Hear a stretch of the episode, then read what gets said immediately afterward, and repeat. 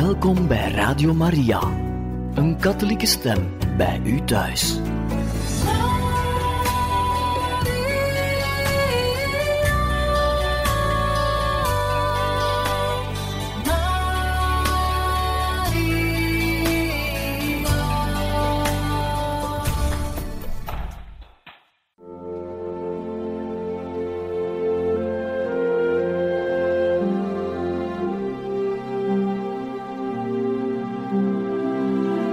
Beste luisteraars van Radio Maria, welkom bij het programma Catechismus. Een overweging bij de geloofschat van de kerk.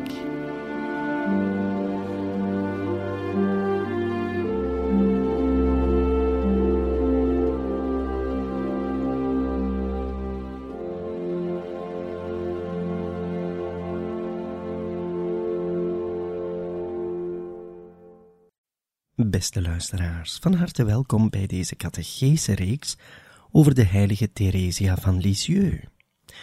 We zijn in de beschrijving van haar leven gekomen aan het jaar 1884, het grootste jaar van haar eerste communie. We hebben reeds gezegd dat de eerste communie, zeker in die tijd, gezien werd als de mooiste dag van het leven. En de heilige Theresia heeft zich al zeer lang daarop voorbereid. We weten dat ze bij de eerste communie van haar zus Céline eigenlijk deed alsof het haar eigen eerste communie was. En ze was zo gelukkig met het geluk van haar zus, dat ze vanaf die dag eigenlijk elke dag uitkeek naar haar eigen eerste communie. Zij heeft een hele lange voorbereiding dus gehad, bijna vier jaar. En haar eerste communie zal dan uiteindelijk plaatsvinden op 8 mei 1884. Ze heeft zich vier jaar hierop voorbereid, maar zeer speciaal moeten we toch vernoemen de directe voorbereiding. Een directe voorbereiding die begint op 1 maart 1884. 84. Die directe voorbereiding gebeurt aan de hand van een boek. Een boekje, zeg maar, opgesteld door de zus Pauline in het klooster van de Karmelitessen. Therese ontvangt een boek om daarin neer te schrijven wat zij doet van goede werken, van offertjes, van kleine gebedjes. In dat boek staan er ook enkele gebeden tot de heilige maagd Maria, tot de heilige Jozef, tot de heilige engelbewaarder. En er wordt verwacht dat het kind die zo'n boek krijgt, want het was eigenlijk wel de gewoonte in die tijd om zo'n boek ter voorbereiding te hebben, wel het kind daarvan wordt verwacht dat het dagelijks noteert wat het doet van goede werken enzovoort. En bij Therese is het dus, zoals gezegd, een boek van haar zus Pauline, zuster Agnes, die ter voorbereiding van die eerste communie dat zelf met eigen handen heeft gemaakt. Het telt 96 pagina's. Het is bedoeld om één pagina per dag te gebruiken. Op elke pagina staat de datum, staat er een naam van een bloem, met een korte uitleg omtrent de betekenis van de geur ervan. Er staan de gebeden tot het kind Jezus, de heilige maagd, de heilige Jozef, de bewaarengel, en dan staat er ook nog plaats om op te schrijven wat de goede werken zijn. Therese zal dit zeer nauwkeurig doen. Want op het einde, net voor haar eerste communie, op 7 mei, aan de vooravond van de 8e mei, staat er, dus voor een periode van 68 dagen, telt men 1949 offertjes en 2000 773 gebedjes. We kunnen dus zeggen gemiddeld 28 offertjes per dag en 40 gebedjes per dag. Enkele van die gebedjes zijn opgeschreven door Therese, dat is Jezus lief, ik hou van u, of Jezus, maak dat ik niet meer trots ben. Een ander klein gebedje dat Therese heeft opgeschreven, Jezus, mocht ik altijd eenvoudig en volgzaam zijn. En ook nog, mijn kleine hart behoort u toe, Jezus. Jezus lief, ik omhels u. Zie daar enkele van de schietgebedjes die Therese dagelijks uitspreekt en bij deze dus ook opschrijft. Gemiddeld 28 offers per dag, 40 gebeden per dag. Voor een kind van 11 jaar en een paar maanden is dit enorm. We kunnen hierbij stellen dat Therese constant ermee bezig was, alsof het bijna een voortdurend gebed was. Therese is al verenigd met Jezus, nog voor ze op een sacramentele manier Jezus zal ontvangen in de eerste communie.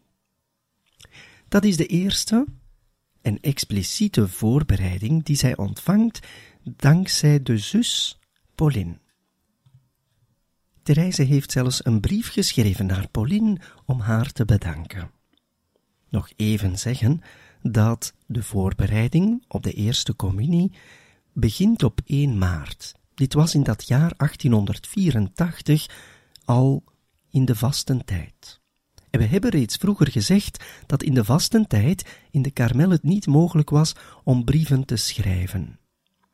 Pauline echter in dat jaar zal als zuster een uitzondering ontvangen.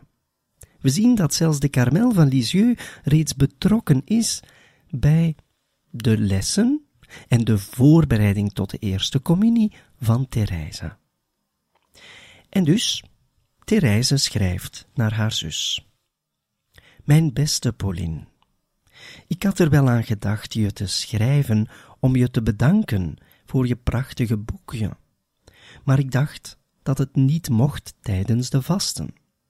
Maar nu ik dan weet dat het mag, bedank ik je heel hartelijk. Je weet niet hoe gelukkig ik was toen Marie mij het mooie boekje liet zien. Ik vond het prachtig. Ik had nog nooit zoiets moois gezien en ik kon er mijn ogen niet van afhouden. Wat staan er in het begin mooie gebeden in? Ik heb ze allemaal met heel mijn hart gebeden tot de kleine Jezus. Alle dagen probeer ik zoveel mogelijk goede daden te stellen en ik doe mijn best om geen enkele gelegenheid te laten voorbijgaan. Ik bid uit de grond van mijn hart de kleine gebeden die geuren als rozen, zo vaak ik maar kan. Wat staat er een mooi plaatje voor in? Het is een duifje dat zijn hart aan de kleine Jezus geeft. Wel, ik wil mijn hart versieren met alle mooie bloemen die ik tegenkom, en het aan de kleine Jezus aan te bieden op de dag van mijn eerste communie. En ik wil echt, zoals het kleine gebed in het begin van het boek zegt, dat de kleine Jezus het zo fijn vindt in mijn hart, dat hij niet meer terug wil naar de hemel. Bedank zuster Theresia van Sint Augustinus namens mij voor haar mooie offertjeskransje en voor de mooie omslag die zij voor mijn boek heeft geborduurd. Omhels moeder Maria van Gonzaga voor mij en zeg haar dat haar meisje met heel haar hart van haar houdt. Leonie en Céline omhelzen je ook. Tot ziens, lieve kleine Pauline, ik geef je een hartelijke kus, je dochtertje dat veel van je houdt. We zien de appreciatie van Therese voor de voorbereiding die ze mag doen. En het blijft niet alleen bij woorden, maar bij daden. Zoals we hebben gezien, zal ze het boek ter voorbereiding van de eerste communie werkelijk gebruiken, tot in de details. Een mooie voorbereiding van hetgeen dat de mooiste dag van haar leven moet worden. Maar dit is nog maar een eerste voorbereiding. Een tweede expliciete voorbereiding zal gegeven worden door haar, laten we zeggen, derde moeder, Dat is de zus, de oudste zus, Marie. Marie zal Therese ook nog wat catecheseles geven en aanbevelingen doen voor goede lectuur. Maar bij Marie is het iets anders dan bij Pauline. Bij Pauline is het allemaal zeer kinderlijk, zeer mooi en zeer goed. Maar het blijft kinderlijk. Bij Marie en de voorbereiding die zij geeft aan Therese zal het eigenlijk totaal anders zijn. Zij zal Therese bij haar nemen om het te hebben over de grote waarheden. En hoe het is om heilig te worden, en dat men heilig moet worden door de getrouwheid in de kleine dingen. Ze zal een boek geven aan Therese, die zij met veel plezier en devotie zal lezen. En dat is een boek die gaat over de weg naar het heilige door de versterving. Eigenlijk is het een boek die vooral gelezen werd door religieuzen die zich volledig aan Jezus geven. Het boek was in eerste instantie gegeven aan Marie zelf, wanneer ze 24 jaar werd, in datzelfde jaar op 22 februari 1884. Het contrast kan niet groter. Pauline beschouwt Therese als haar dochtertje, en Therese aanvaardt dat. Marie echter zal Therese eigenlijk al beschouwen als iemand die volwassen is. En zo krijgt Therese twee soorten voorbereidingen. De een voor een kind, de ander voor een volwassene. En voor Therese is dat natuurlijk, zeg maar, een grote winst. Want zij zal nog beter dan anderen begrijpen wat het is om haar leven volledig te geven aan Jezus. Zo dadelijk bekijken we nog de directe retraite die Therese heeft gevolgd de dagen voor haar eerste communie.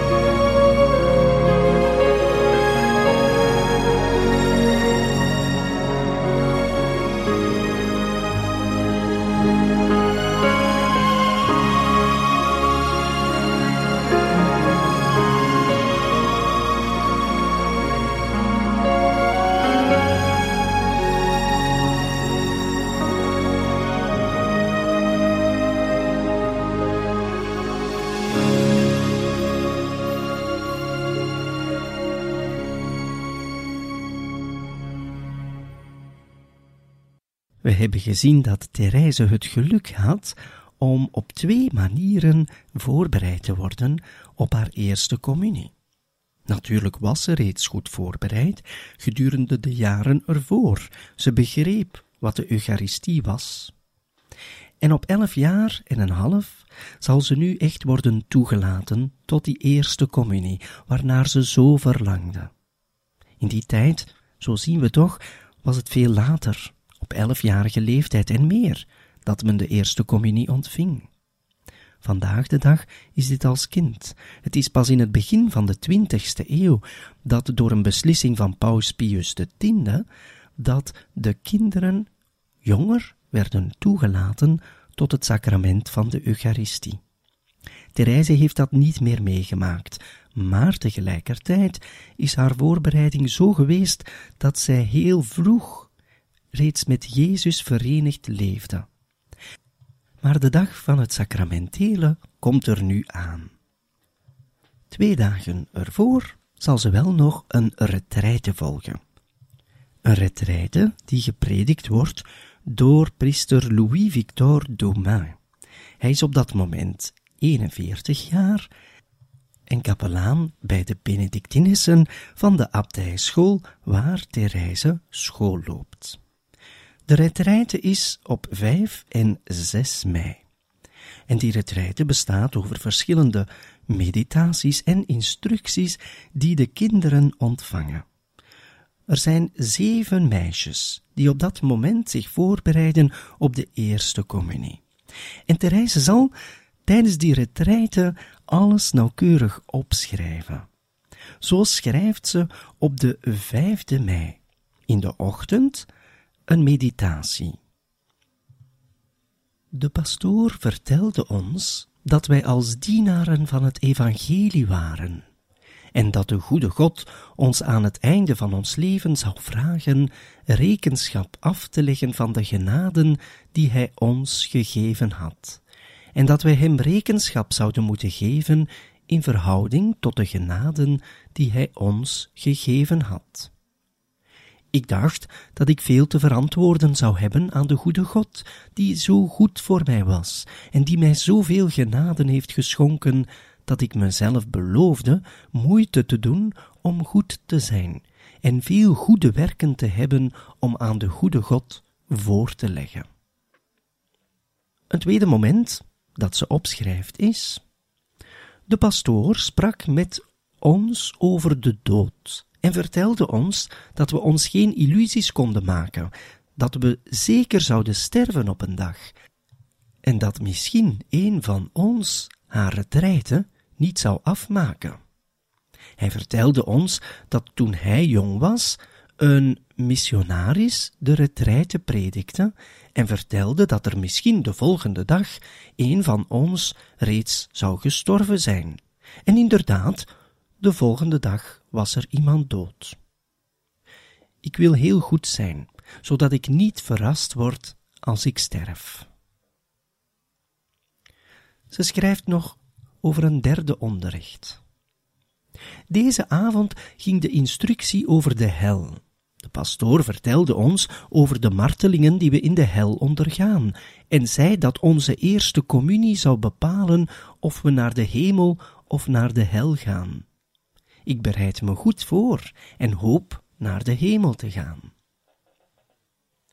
En nog op een vierde moment schrijft ze: De pastoor sprak met ons over de heiligschennende eerste communie.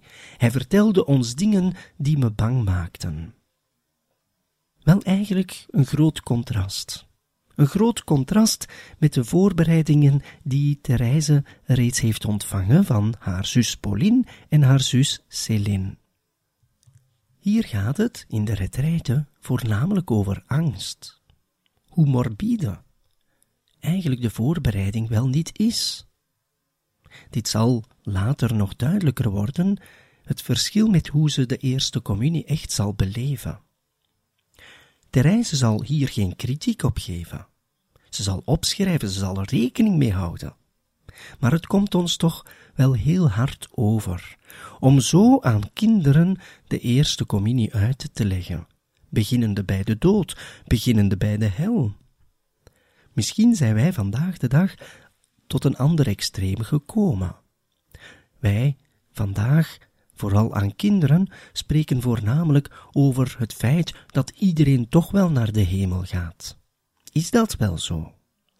Misschien moet er net een goed evenwicht gevonden worden, en zal dat ooit wel komen. Een evenwicht tussen die realiteiten die bestaan, van de hemel en van de hel. Maar natuurlijk de voorbereiding die Therese ontvangt door alleen maar te spreken over de dood en de hel, wel, dat lijkt ons toch wel vrij moeilijk. En misschien niet om aan kinderen te geven op dit moment, op dat mooie moment waarop ze zich voorbereiden op de eerste communie.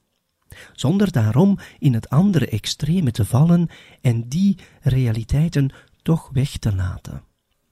Maar dus zo zal Therese haar voorbereiding ontvangen op de eerste communie. Later, wanneer ze hieraan terugdenkt en haar autobiografie schrijft, zegt ze het volgende. Ik luisterde met grote aandacht naar de onderrichtingen die wij kregen van pastoor Domain, en ik maakte daar zelfs een overzicht van. Wat mijn eigen gedachten betreft, daar wilde ik niets van opschrijven, want ik zei dat ik mij dat best zou kunnen herinneren, en dat was ook zo. Ik vond het iets heerlijks dat ik samen met de zusters naar alle gebedsuren mocht gaan. Tussen de andere meisjes viel ik op door een groot kruis dat ik van Leonie gekregen had en dat ik in mijn centuur had gestopt, net zoals de missionarissen dat doen. Dat kruis zat de zusters een beetje dwars, want zij dachten dat ik daarmee mijn zus wilde nadoen, die karmelites was. Ach, in mijn gedachten was ik wel steeds bij haar. Ik wist dat Pauline, net als ik, in retraite was, niet omdat Jezus bij haar zou komen, maar om zichzelf aan Jezus te geven. Die eenzaamheid, doorgebracht met wachten, was me daarom dubbel zo dierbaar. We komen door dit schrijven ook te weten dat Therese haar eerste communie zal doen op dezelfde dag dat Pauline haar geloften zal uitspreken en haar leven dus volledig geven aan Jezus in het klooster. Dit is natuurlijk een heel belangrijk detail, te weten dat Therese zo zot was van haar zus, haar tweede moeder. En jawel, de 8e mei breekt aan.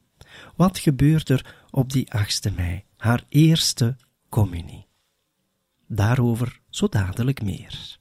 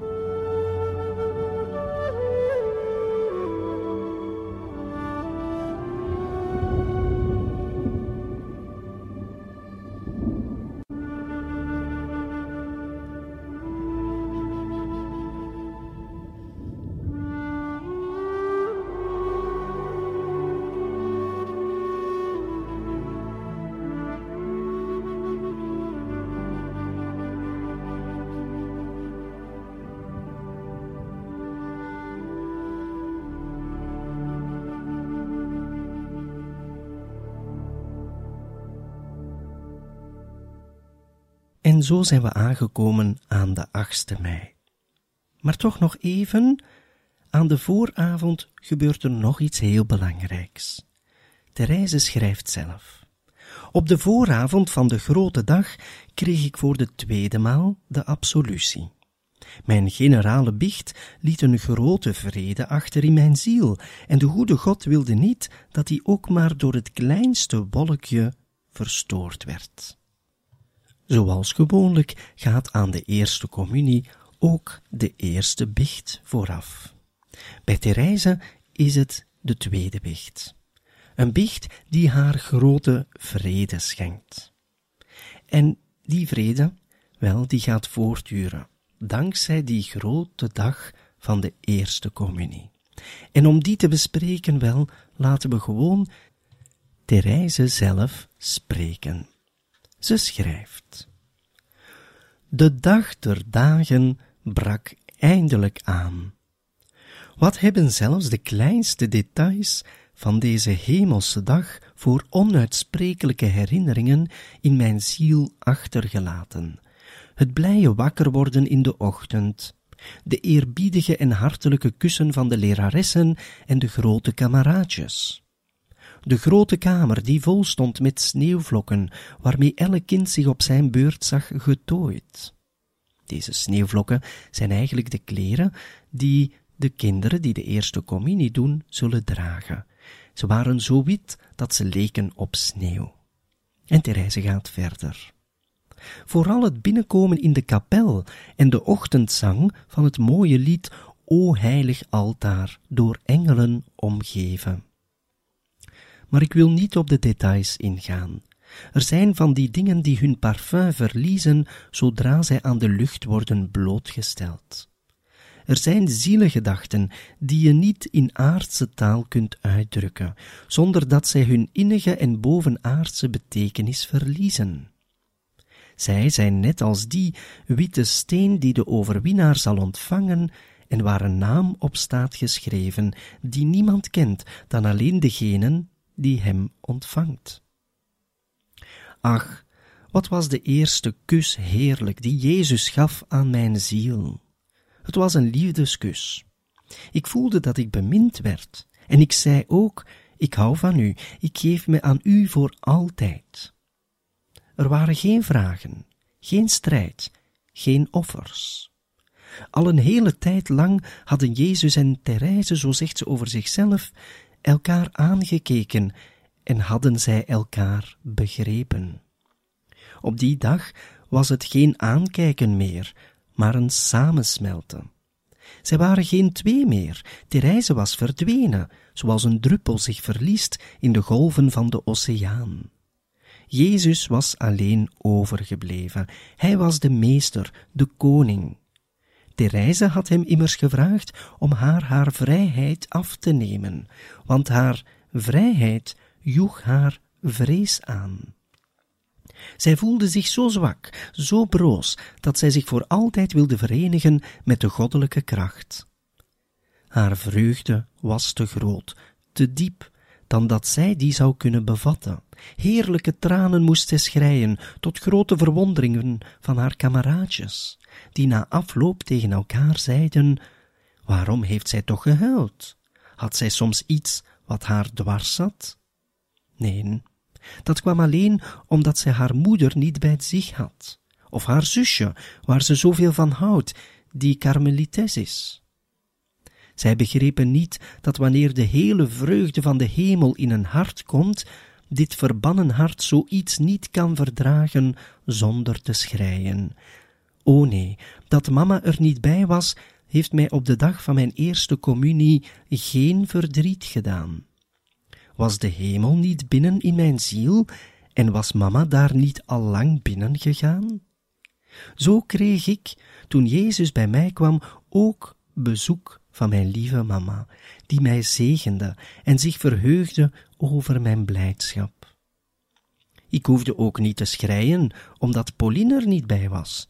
Natuurlijk zou ik blij zijn geweest als zij erbij had kunnen zijn, maar dat offer had ik al een hele tijd geleden gebracht.